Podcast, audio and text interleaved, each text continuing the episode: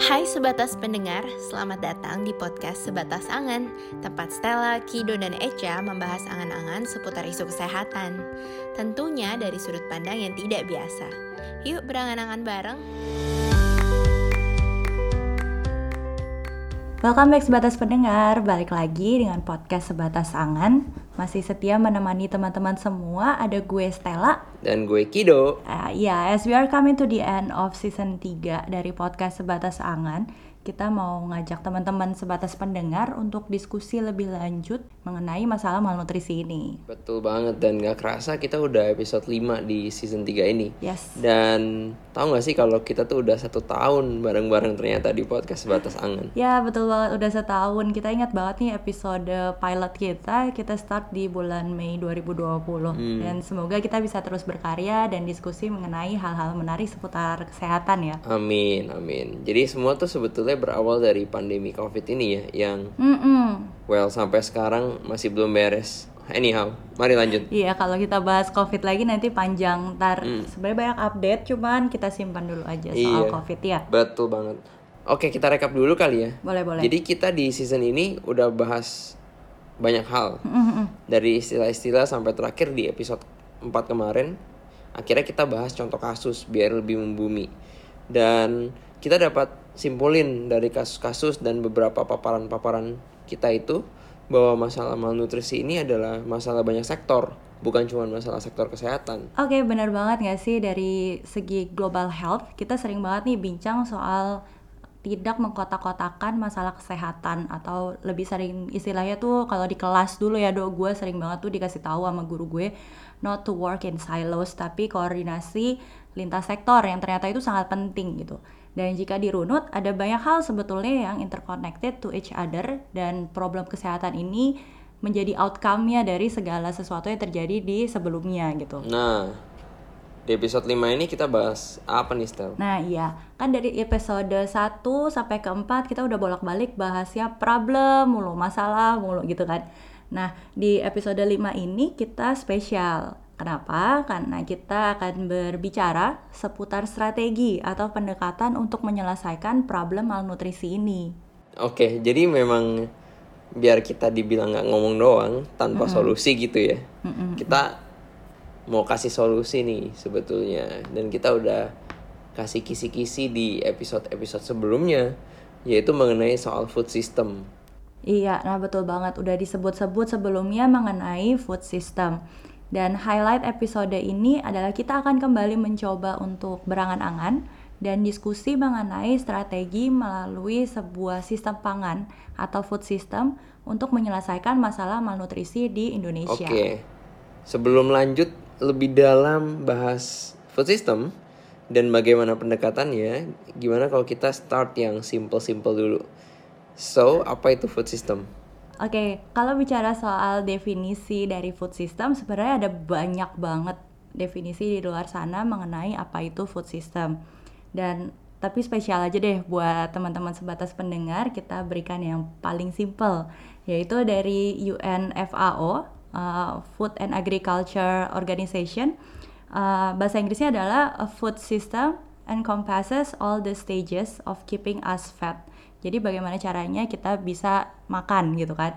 Nah, proses itu dari growing, harvesting, packing, processing, transforming, marketing, consuming, and disposing of food. Jadi prosesnya dari uh, penanaman bahan pangan sampai kita makan dan sampai kita buang makanan hmm, itu. Oke, okay, jadi overall itu sebuah proses segala sih ya, segala proses dari produksi makanan iya, ya. Iya, betul. Hmm, berarti produksi makanan itu tergantung dari jenis makanannya ya? Hmm, nah, so, contoh nih, kita suka banget nih ngasih contoh ya. Jadi kalau misalnya kita bicara soal kopi-kopi kesayangan kita aja deh yang selalu memberikan promises dan janji gitu. Coba kita pikir ada komponen apa aja yang ada di segelas kopi itu. Oke, okay, I guess ada kopi, uh, for sure. Hmm, sure. Uh, lalu susu, mm -hmm. es batu, gula aren kalau yang kekinian atau gula biasa hmm, udah kayaknya ya. Nah ada lagi dok bagaimana dengan gelas dan sedotan plastiknya? Hmm itu mind blowing juga ya. Betul juga ya kita minum kopi pakai gelas dan ada sedotan ya nih. Hmm, Bener, bener, betul kan. Jadi ada gelas, ada sedotan dan tadi yang komponen yang lu bilangin la- tadi gitu. Dan kalau misalnya kita pikir ke belakang gitu, gimana kopi, susu, es batu, gula aren, gula, gelas dan sedotan plastik itu tuh bisa sampai ke tokonya. Oke, yang pasti sebelum ke toko kan ada proses produksi dari masing-masing itu, yang mana tempatnya pasti beda-beda. Contoh kopi, eh, tentunya prosesnya panjang, pasti dari petani kopi. Anggap aja yang ada di Toraja lah ya, atau di Kintamani, yaitu kan Iya. eh, farmernya. Em, lalu dari perkebunannya, lalu kopi dipanen melalui proses ada penjemuran dan roasting. Mungkin bisa salah juga sih karena kita nggak ekspor di kopi. Akhirnya sampai di packed lalu dan digiling di toko atau ya mentah-mentah di toko terus dibikin sendiri kan. Kalau digiling di toko tapi tokonya di luar pulau atau mungkin ada yang ekspor ke luar negeri ya mungkin kan mau ngomong pasti lewat udara atau laut. Itu sih Nah, itu baru kopi.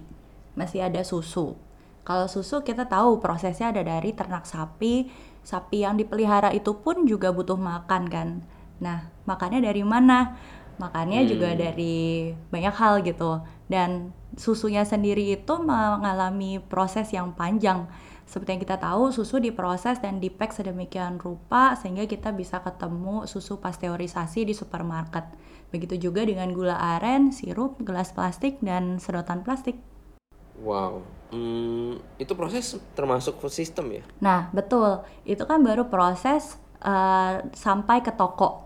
Dari toko ke kita, itu juga masih bagian dari food system.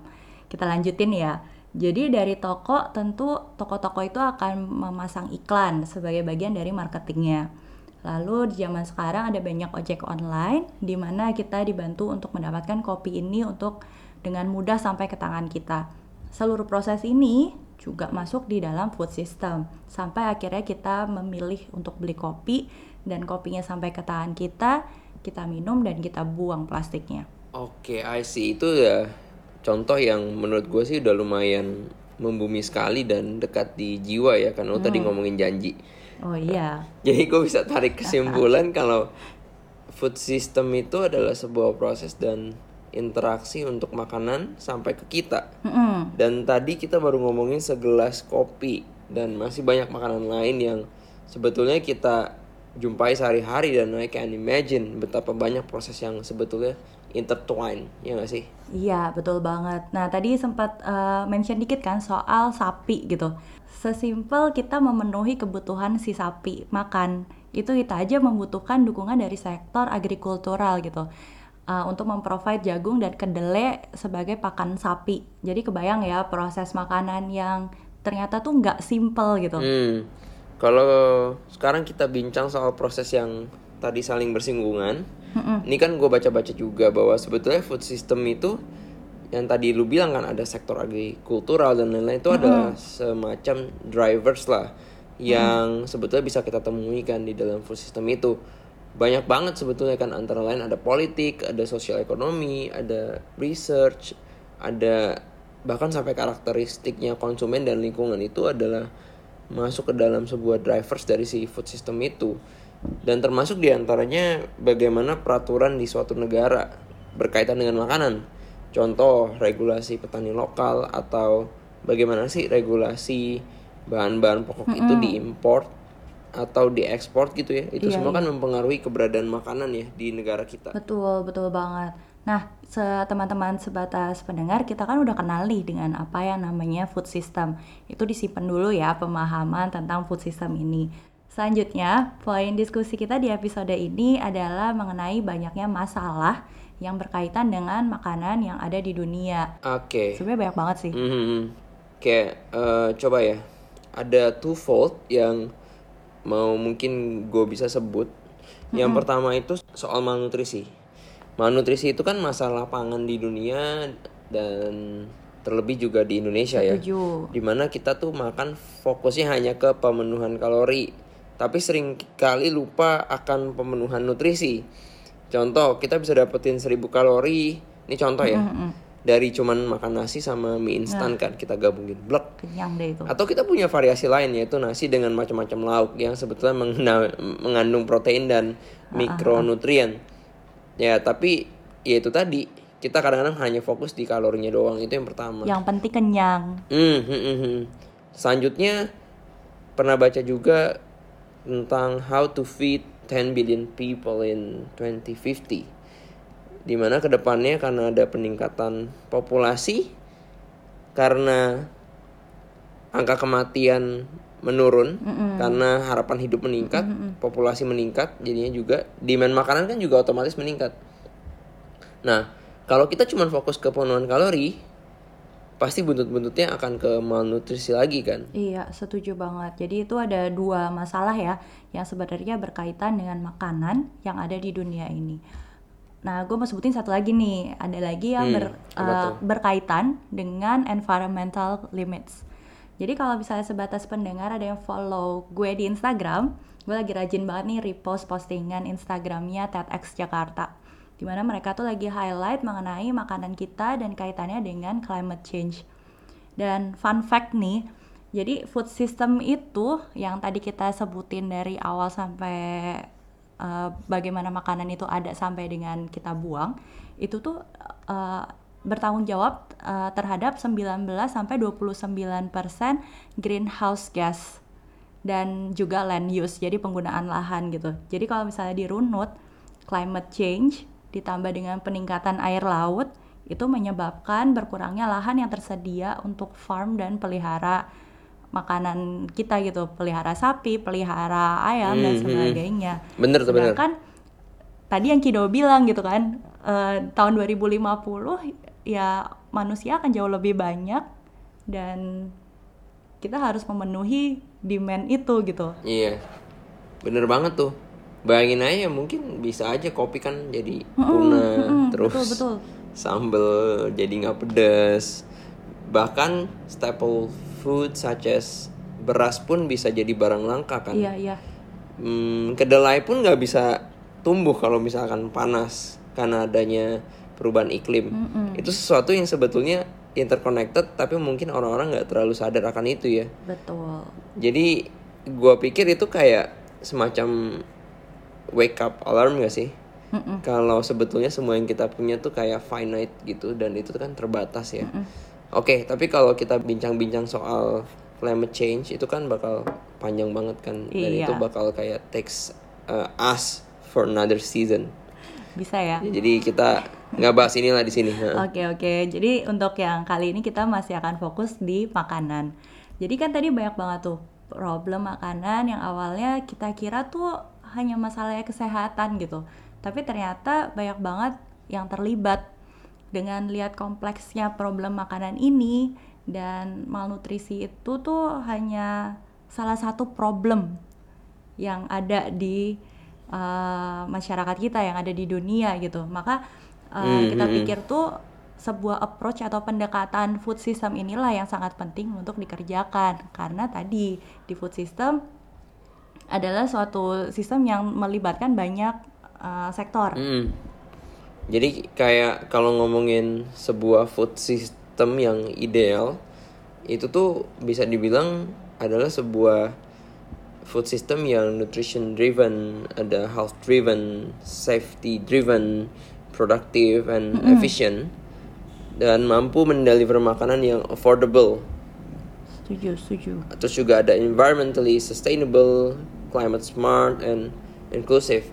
Atau bisa sebuahnya sebetulnya bisa disingkat menjadi sebuah food system yang sustainable iya setuju gitu. Eh, yang mana sebuah sustainable food system itu adalah sebuah food system that delivers food security and nutrition for all in such a way that the economic, social, and, environmental basis to generate food security and nutrition for future generations are not compromised. Jadi intinya adalah bagaimana sebetulnya dari yang tadi tuh ada driversnya ekonomik, adanya sosial juga dan environmental.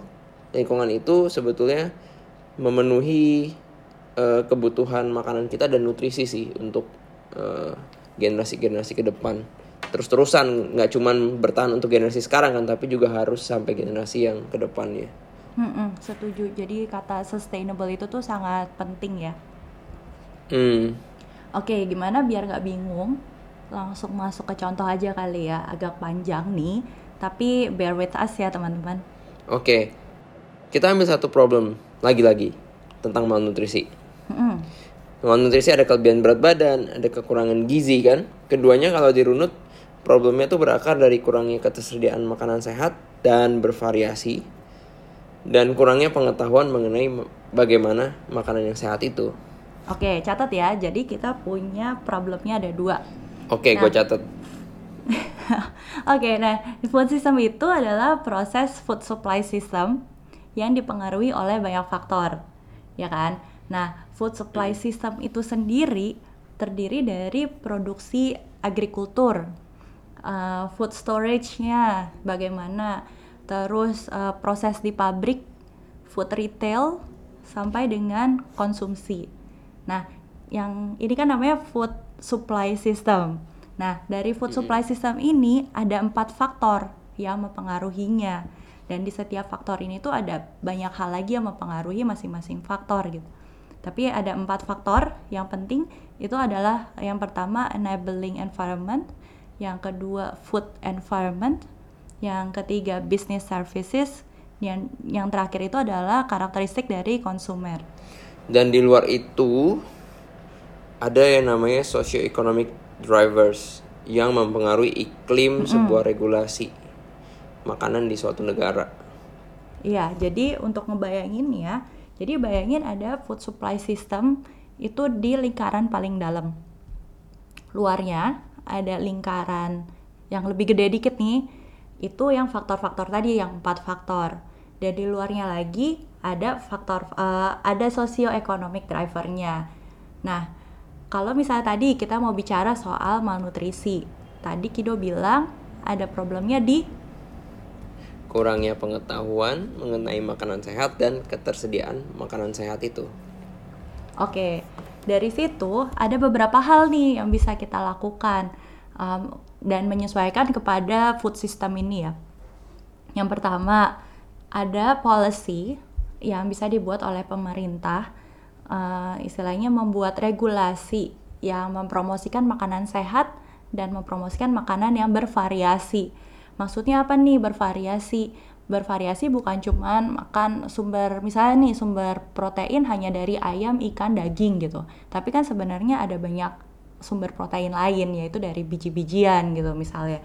Nah, di mana hal ini akan meningkatkan produksi agrikultur. Jadi saat demand naik, supply akan mengikuti kan.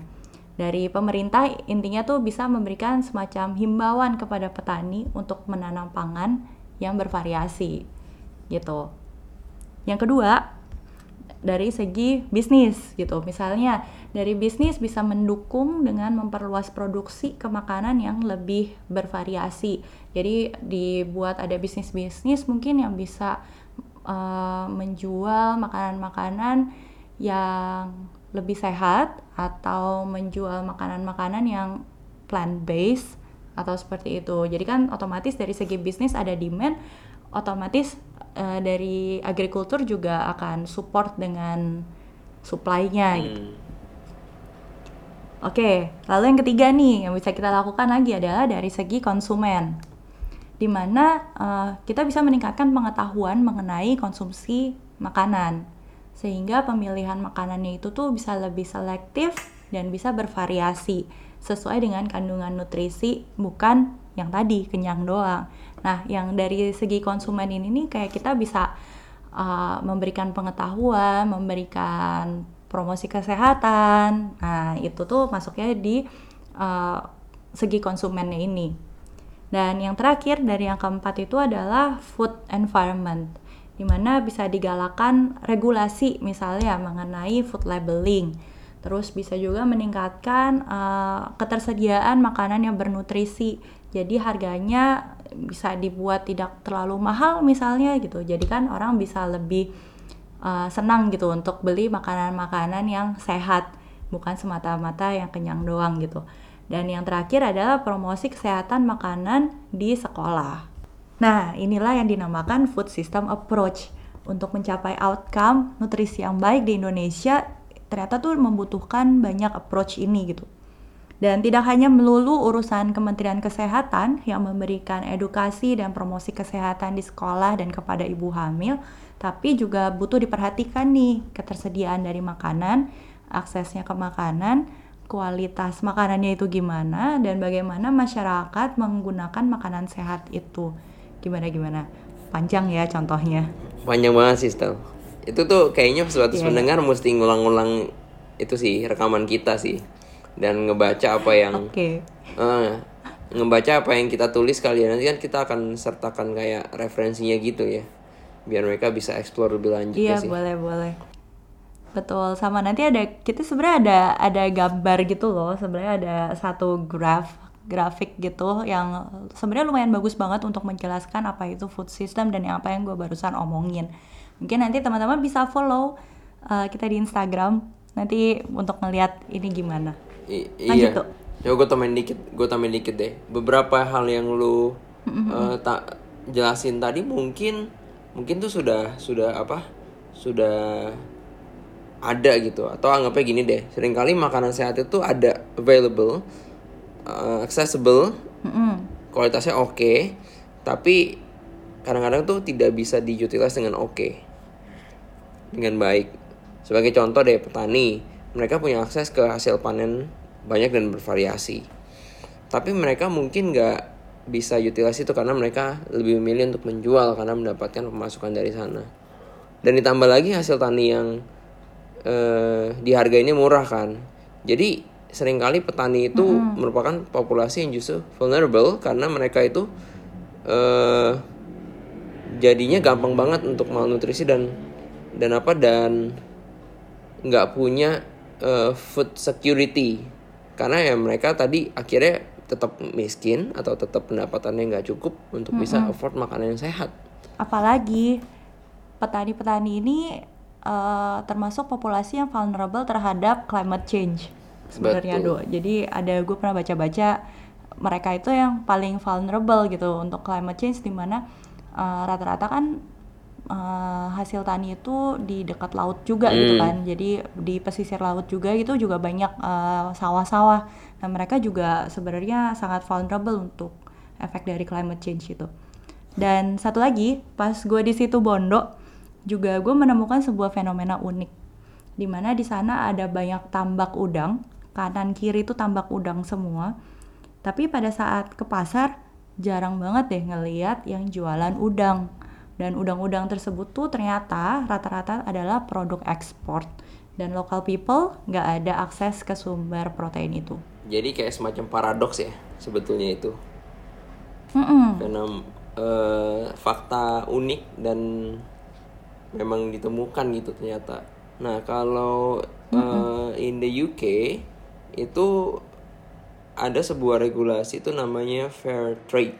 Jadi kalau ada barang nih kita beli ada logo fair trade-nya itu tuh berarti uang yang kita beli itu tuh totalnya itu nanti atau sebagian akan dikasih ke petani. Eh, nggak necessarily ke distributornya gitu. Jadi kayak semacam ada financial compensation lah untuk petani. Tujuannya sebetulnya banget bagus banget karena em, akhirnya harapannya petani tersebut setelah mendapat penghasilan yang baik yang mana mungkin sosioekonominya meningkat gitu ya mereka cukup untuk memenuhi kebutuhan gizinya yang mana akhirnya sebetulnya itu bisa lebih sehat kan jadinya karena dia nggak cuma mikirin kalori gitu tapi juga dia mikirin akhirnya Iya, iya. nutrisinya juga Setuju, setuju. Ya, well, rumit ya. Ya, tapi itulah masalah kesehatan di dunia dan di Indonesia. Ternyata tidak melulu problem kesehatan itu purely problemnya orang kesehatan dan suruh orang kesehatan aja yang mikir gitu. Tapi dari season ini kita bisa lihat gimana eh, kalau segala sesuatu itu ternyata interconnected. Masalah pangan ini hanyalah salah satu contoh yang menunjukkan rumitnya masalah dan pemecahannya. Iya betul banget, mana mungkin kan kayak kita di sektor kesehatan ngurusin soal eh, petani suruh nanam macam-macam itu kan bukan urusan sektor kesehatan kan. Mm-mm. Nah, Betul betul. Nah, dari cerita kita ini kita mau narik kesimpulan nih. Karena kan di episode ini kita udah sorot bahwa pendekatan multisektoral itu hmm, sangat penting. Jadi jangan terkotak-kotak. Artinya bahwa yang harus diselesaikan tuh bukan sebagian loh, tapi juga seluruh bagian itu sampai ke akar-akarnya justru. betul. E, meskipun seakan-akan ada porsinya masing-masing, diharapkan tuh tiap porsi juga diadres sama semua sektor. Ngerti nggak maksudnya? Iya. Jadi bener-bener esensi terkotak-kotaknya itu tuh jangan di bener dipisah-pisahin gitu, tapi itu suatu hal yang satu kesatuan. Ngomongin satu sektor atau ngomongin satu hal yang ngomongin food system itu juga harus diselesaikannya bareng-bareng, meskipun mungkin itu hubungannya sama sektor tertentu, tapi harus diomongin bareng-bareng. Betul betul. Sulit? Iya. Tapi apakah impossible? Tentu tidak. Jika ada kerjasama lintas sektor dan komitmen politik yang mengikatnya. Dan tentunya masyarakat yang lebih aware dengan kondisi ini dan nggak ignoran ya terhadap permasalahan yang ada di dunia dan di Indonesia khususnya. Eh ngomong-ngomong, lu kan barusan ngomongin soal ignorance ya.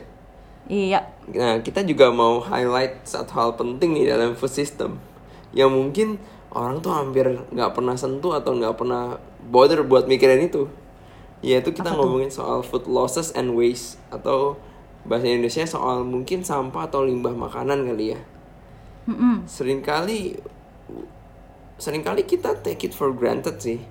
Jadi kayak kita menganggap itu hal sepele, makanan nggak habis, ya udah buang dan atau kebiasaan aja kita sisain makanan ya ujung-ujungnya sebetulnya kalau kita sisain ya ya kita buang juga kan terus yang menarik mungkin kita terbiasa untuk melihat buah yang bentuknya bagus.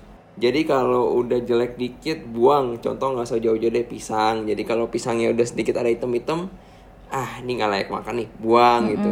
Atau kita beli kebanyakan tapi ujung-ujungnya aduh expired. Iya. terus buang lagi.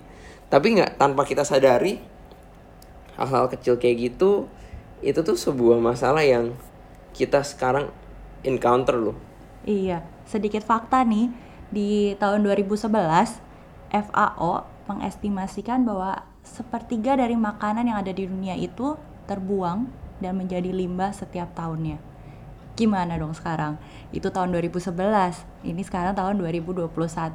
Dan gimana kondisi di Indonesia? Kita bisa apa nih? Tungguin kita aja di episode 6 Oke, keep curious ya teman-teman dan as always kita terima semua kritik dan saran yang membangun. Silakan langsung email aja ke email sebatasangan.podcast@gmail.com dan kami terbuka untuk diskusi lebih lanjut. alright Cheers. see ya